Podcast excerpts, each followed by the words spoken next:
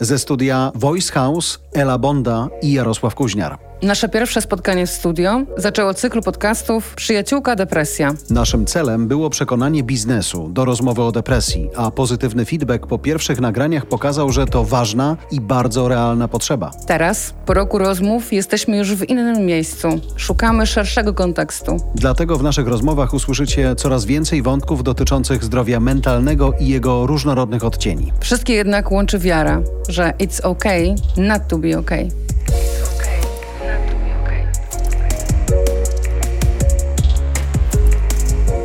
Tym odcinku ADHD u dorosłych. Zespół nadpobudliwości psychoruchowej z deficytem uwagi. Brzmi bardzo mądra nazwa. Czym się objawia? Jak bywa leczone? Czy słusznie traktujemy czasem ADHD jako mniejszy problem niż autyzm czy depresja? Jak żyć z ADHD i jak wspierać tych, którzy wyboru nie mają? Nasz gość to Olga Ślepowrońska, psycholożka, pomysłodawczyni i prezeska Stowarzyszenia Mudita.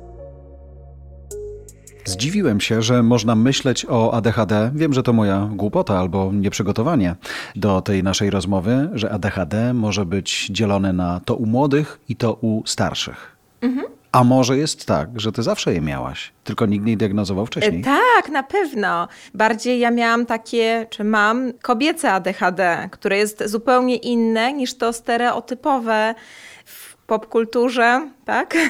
Osoba z ADHD to w takim stereotypowym podejściu. Nie gaśnie nigdy. Tygrysek z Kubusia Puchatka, dokładnie, i który skacze jak szalony. Tak naprawdę w lutym tego roku moja przyjaciółka mi podpowiedziała, że to, co ja mam, to może być ADHD, czyli na przykład takie hiperfokusy, o których się zupełnie nie myśli, kiedy staje nam przed oczami hasło ADHD. Czyli takie bardzo, bardzo mocna uwaga na czymś. Ja to uwielbiam, naprawdę, ja to uwielbiam. Tyle tylko, że później przychodzi problem z tą uwagą, taki ogromny. I ja pamiętam jako dziecko, byłam straszliwie cały czas zamyślona, cały czas w jakimś innym świecie. Naprawdę dużo muszę nad sobą pracować, żeby mieć tą uważność i żeby mówić do rzeczy, bo u No to mnie... niezły sprawdzian w tej audycji. bo u mnie tematy w głowie skaczą jak szalone. Ale poczekaj, bo mówisz o hyperfokusie prawie, mhm, że to tak. jednak ta, słusznie zauważasz, to się w ogóle manijak do ADHD, które się kojarzy z jednak nadpobudliwością. Jak wygląda to głębokie wejście w temat u ciebie w takim razie? Zatrzymujesz się i nic więcej? Tak. I dzięki temu mam dużą wiedzę na różne tematy i myślę, że jestem całkiem niezłą mamą, bo kiedy jestem z dziećmi, to jestem bardzo na nich. Bardzo źle mi wychodzi po prostu łączenie wielu zadań naraz, a samoistnie to robię. Muszę się bardzo hamować, żeby faktycznie być na jednej rzeczy skupiona i wtedy jest cudownie. Ale jest taki fantastyczny komiks w internecie, w którym jest, że osoby z ADHD nie cierpią struktur, ale najlepiej w nich funkcjonują. Mają czasem hiperfokusy, a potem w ogóle nie mają fokusu, w ogóle nie mają uwagi, tak? Przy tym hiperfokusie zapominają jeść, a potem jedzą, bo tak bardzo nie mają energii, że jedzą, bo to jest jedyna aktywność, którą są w stanie podjąć, bo są tak wyczerpane. Czasem są ogromnie zmęczone w dzień, a potem w nocy nie mogą zasnąć, bo kłębią się te myśli. I owszem, ja mam dużo energii, chociaż jestem na, teraz już na różnych grupach ADHD i, i poznałam rozmaite osoby i to nie zawsze tak wygląda. Ale te problemy z uważnością to jest coś, o czym się mniej mówi, a co jest u kobiet zwłaszcza na pierwszym planie. Brak uważności? Wtedy? Brak uważności. Ale to jest tak. właśnie efekt uboczny tego hiperskupienia wcześniej, że musi organizm odreagować, więc generalnie mów do mnie, ale ja nie bardzo wiem, co się dzieje. Często jest tak, że u mnie, ale też u mhm. innych osób z ADHD, po takim szalonym maratonie, kiedy zapominamy jeść, zapominamy spać, i to nie jest mania, tylko to jest po prostu ogromne skupienie na czymś, no po prostu przychodzi niemoc już, bo nasz organizm nie nadąża za pogonią za naszym mózgiem. Czego to się w ogóle dzieje? Z braku dopaminy. Osoby z ADHD są cały czas na takim dopaminowym głodzie, więc tą dopaminę sobie na rozmaite sposoby same stymulują. Między innymi rozmaitymi działaniami, wchodzenie w rozmaite działania, właśnie takim rozproszeniem. No ale to jest bardzo męczące. Gdzie jest ta granica diagnozy? Wspomniałaś o tym, że koleżanka na początku roku powiedziała do ciebie, ty chyba masz ADHD. I się zaczęło. Wcześniej rozumiem, że zachowywałaś się podobnie, ale nie przykładałaś do tego żadnej medycznej miary. Wcześniej myślałam sobie, że coś jest ze mną nie tak, ale że znam bardzo wiele osób i z każdym troszkę coś jest nie tak. To sobie myślałam, no dobrze. Potwierdzam. Taka moja uroda. Moim zdaniem wszyscy funkcjonujemy na jakiejś linii normy. Mamy różne wrażliwości, tak? I te stresy mogą dla każdego oznaczać coś innego. Ale każdy przy stresie trudnym dla jego organizmu do udźwignięcia będzie się zachowywał w trudny sposób. Będzie szedł w stronę jakiegoś zaburzenia, o tak powiem.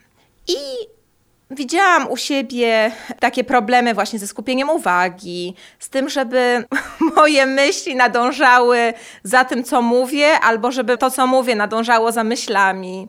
Kiedyś mój były chłopak powiedział, że on ma takie wrażenie, dla niego to jest takie fascynujące, jakbym ja miała takie koty w głowie, które się kłębią, że po prostu to jest, tyle się tam dzieje. A dla mnie to było, mi się wydawało, że każdy tak ma te hiperfokusy, właśnie takie, że wchodzę w jakiś temat i po prostu nie ma świata. I mi się wydawało, no, no taka jest moja uroda, ale może jakby myślałam, że to jest bardzo, bardzo specyficzne dla mnie. Po czym zaczęłam czytać o ADHD u osób dorosłych i nagle się okazało, że jest nas w tym neuroplemieniu znacznie, znacznie więcej i że mogę znaleźć zrozumienie i u innych, i dla samej siebie. ADHD. Jest często tak, że mówimy, używając w sumie nazwy terminu medycznego e, na kogoś, kto jest pobudzony, trochę to lekceważąc, prawda? Trochę mówiąc, ty masz ADHD, weź usiądź wreszcie na tyłku, albo zajmij się robotą, albo skup się na czymś. Co jest najgorsze u tych, którym przyszło z wami żyć, w odzywaniu się do was? Albo na co zwrócić uwagę, żeby jakimś, być może słowem, zdaniem, sugestią czy radą nie skrzywdzić? Zacznę od tego, że ja mam ogólnie ogromne szczęście i wychowałam się w bardzo sprzyjającym środowisku. Myślę, że nie do końca neurotypowym, na pewno bardzo wysoko wrażliwym. Mhm. Moja rodzina cała jest wysoko wrażliwa i duże było przyzwolenie dla różnych zachowań, dla mówienia o emocjach, dla pochłonięcia rozmaitymi tematami i raczej moi rodzice podążali za tym, co mnie fascynowało, czy bardzo dużo było w nich akceptacji dla takiego mojego chaosu. I później ja cały czas, no nie wiem, wchodząc do szkoły, jakby stykając się z grupą rówieśniczą, ja czułam się dziwna bardzo długo, ale znajdowałam sobie swoje miejsce. Dokładnie, swoje miejsce tym wszystkim.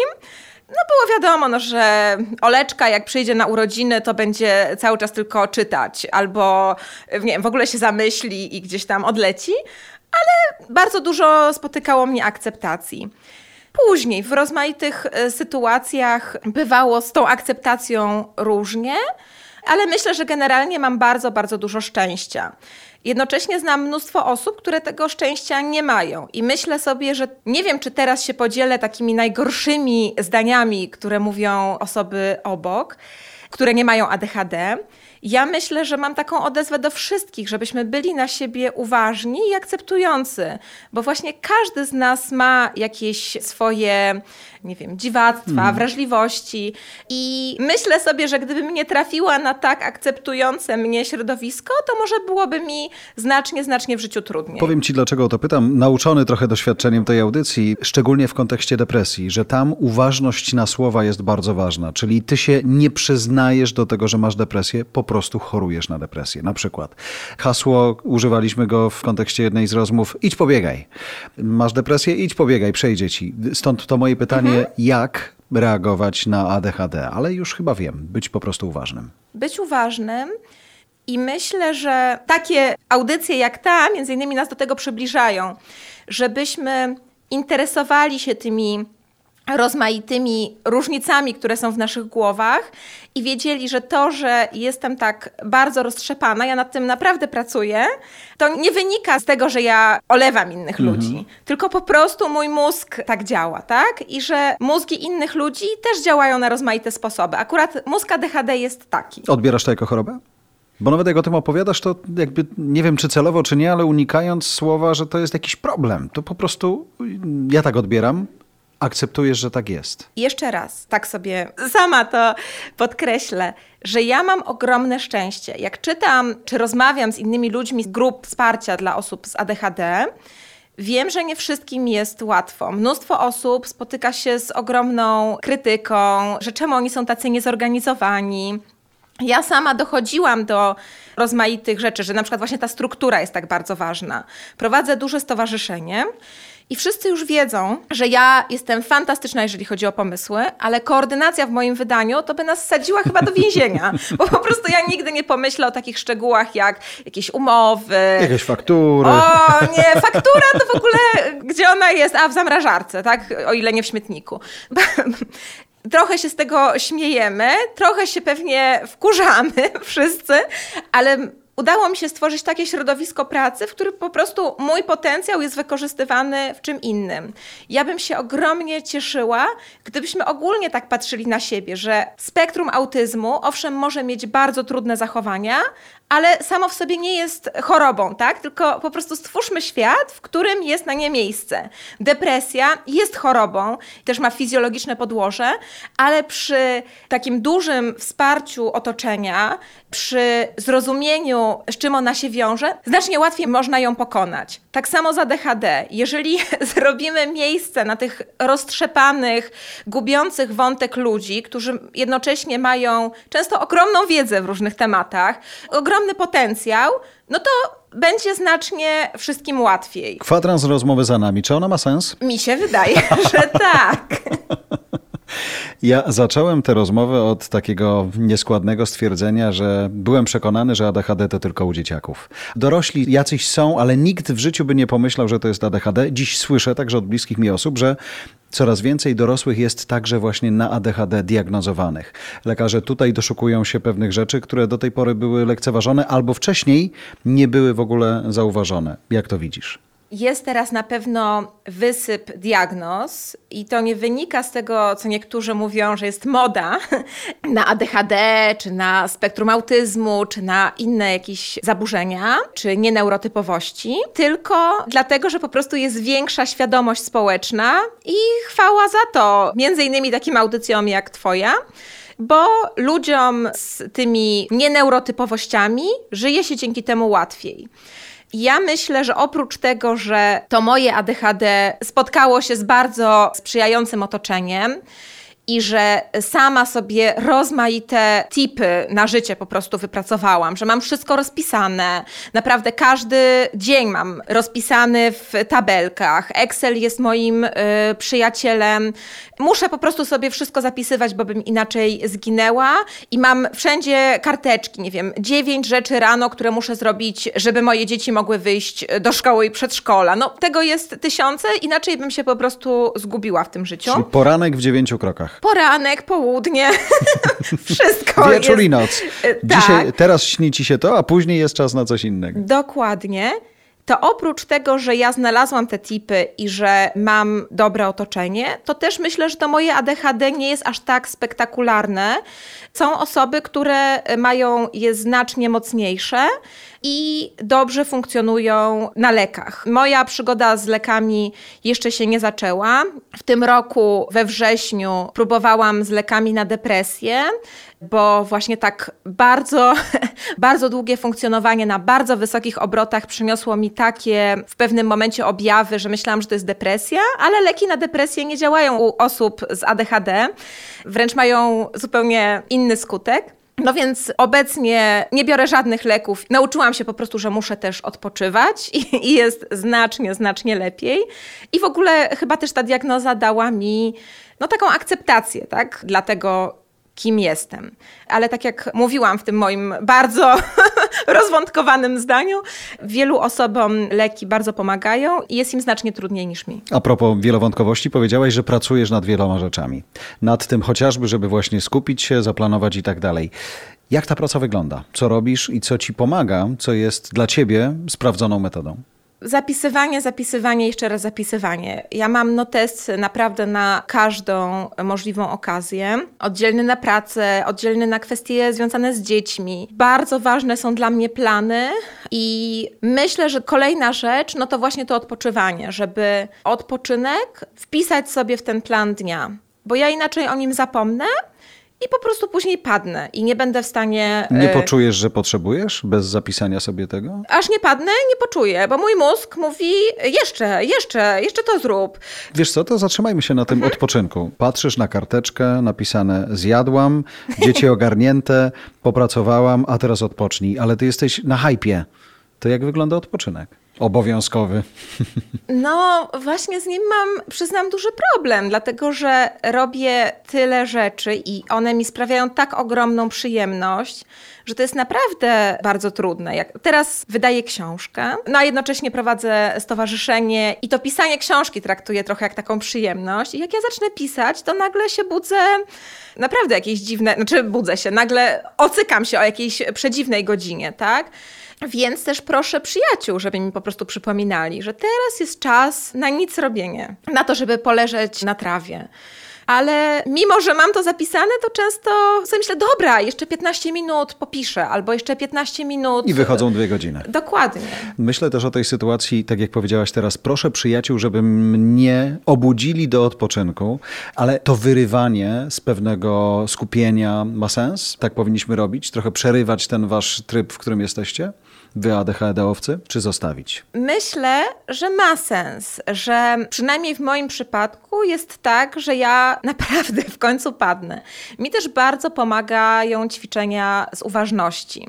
Bardzo je zalecam rodzinom osób z niepełnosprawnością, z którymi pracuję zalecam, żeby co godzinę zrobić coś maleńkiego dla siebie. Nie wiem, napić się uważnie wody, skupić się na oddechu, usiąść i oprzeć się plecami o krzesło i sama staram się to stosować. Widzę, że przynosi to ogromne, bardzo dobre skutki, tak?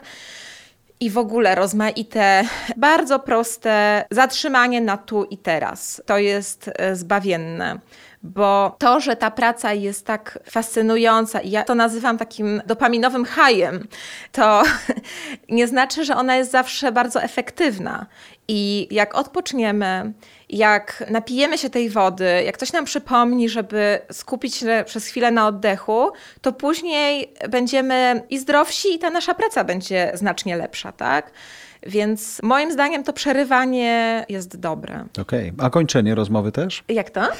Pytam, czy wiesz, może jesteś akurat właśnie w jakimś hiperfokusie w tej rozmowie i nie powinienem jej przerywać? No, myślę, że właśnie kłębi mi się w głowie e, tysiące jeszcze wątków, których tutaj nie poruszyłam i które mi pewnie jeszcze przyjdą. Hmm. Bardzo jest dla mnie ważne, żeby, jeżeli będą nas słuchać osoby z ADHD, żeby nie poczuły się jakoś urażone, że zapomniałam o rozmaitych kwestiach. Mówię tutaj tylko o moim doświadczeniu Jasne. i tym, co mi pomaga. Bardzo, bardzo polecam grupy na Facebooku dotyczące ADHD. Tam też jest bardzo dużo takich pomysłów na ułatwienie sobie życia z tym dopaminowym głodem. I to są takie pomysły przedlekarzowe jeszcze, tak? Tutaj nikt nie mówi na razie o spotkaniu z profesjonalistą w jakimś sensie, tylko raczej o takim też nie chcę użyć złego słowa, takim domowym sposobie na to, żeby pewne e, elementy swojego, swojego ADHD ogarnąć, tak? Tak, lekarz jest bardzo ważny, leki bardzo, bardzo wielu osobom ogromnie pomogą, ale w przypadku ADHD ogarnięcie życia często jest naprawdę wyzwaniem. Z jednej strony mamy tak bardzo dużo energii, a z drugiej strony wpadamy w czasem e, w taki brak energii i możliwości skupienia się na czymkolwiek, że przebranie się z piżamy w normalne ubranie jest problemem. I to nie jest depresja, tylko to jest właśnie ten totalny brak dopaminy. I dzielimy się na tych grupach rozmaitymi sposobami, co zrobić, żeby jednak się z tej piżamy przebrać, co zrobić, żeby ten hiperfokus zatrzymać i tak dalej, i tak dalej. To jest bardzo, bardzo pomocne. Bardzo dziękuję. Ja także. Postawię tutaj kropkę, ale tak naprawdę zachęcając jednocześnie tych, którzy nas posłuchali do tego, żeby być może, a jest taka możliwość, podzielili się tym, jak u nich to działa i co na was działa. Niech ta nasza rozmowa z Olgą będzie wstępem do tego, żeby was zachęcić do dołączenia się i pokazania innych przykładów innym, tak żebyśmy mogli sobie wspólnie pomóc. Jeszcze raz dziękuję. Dzięki ogromne. Dziękujemy za Twoją uwagę. Jeżeli chcesz podzielić się swoim doświadczeniem, napisz kuźniarmałpa kuźniarmedia.com. Zapraszam też na stronę Voice House po więcej dobrej treści.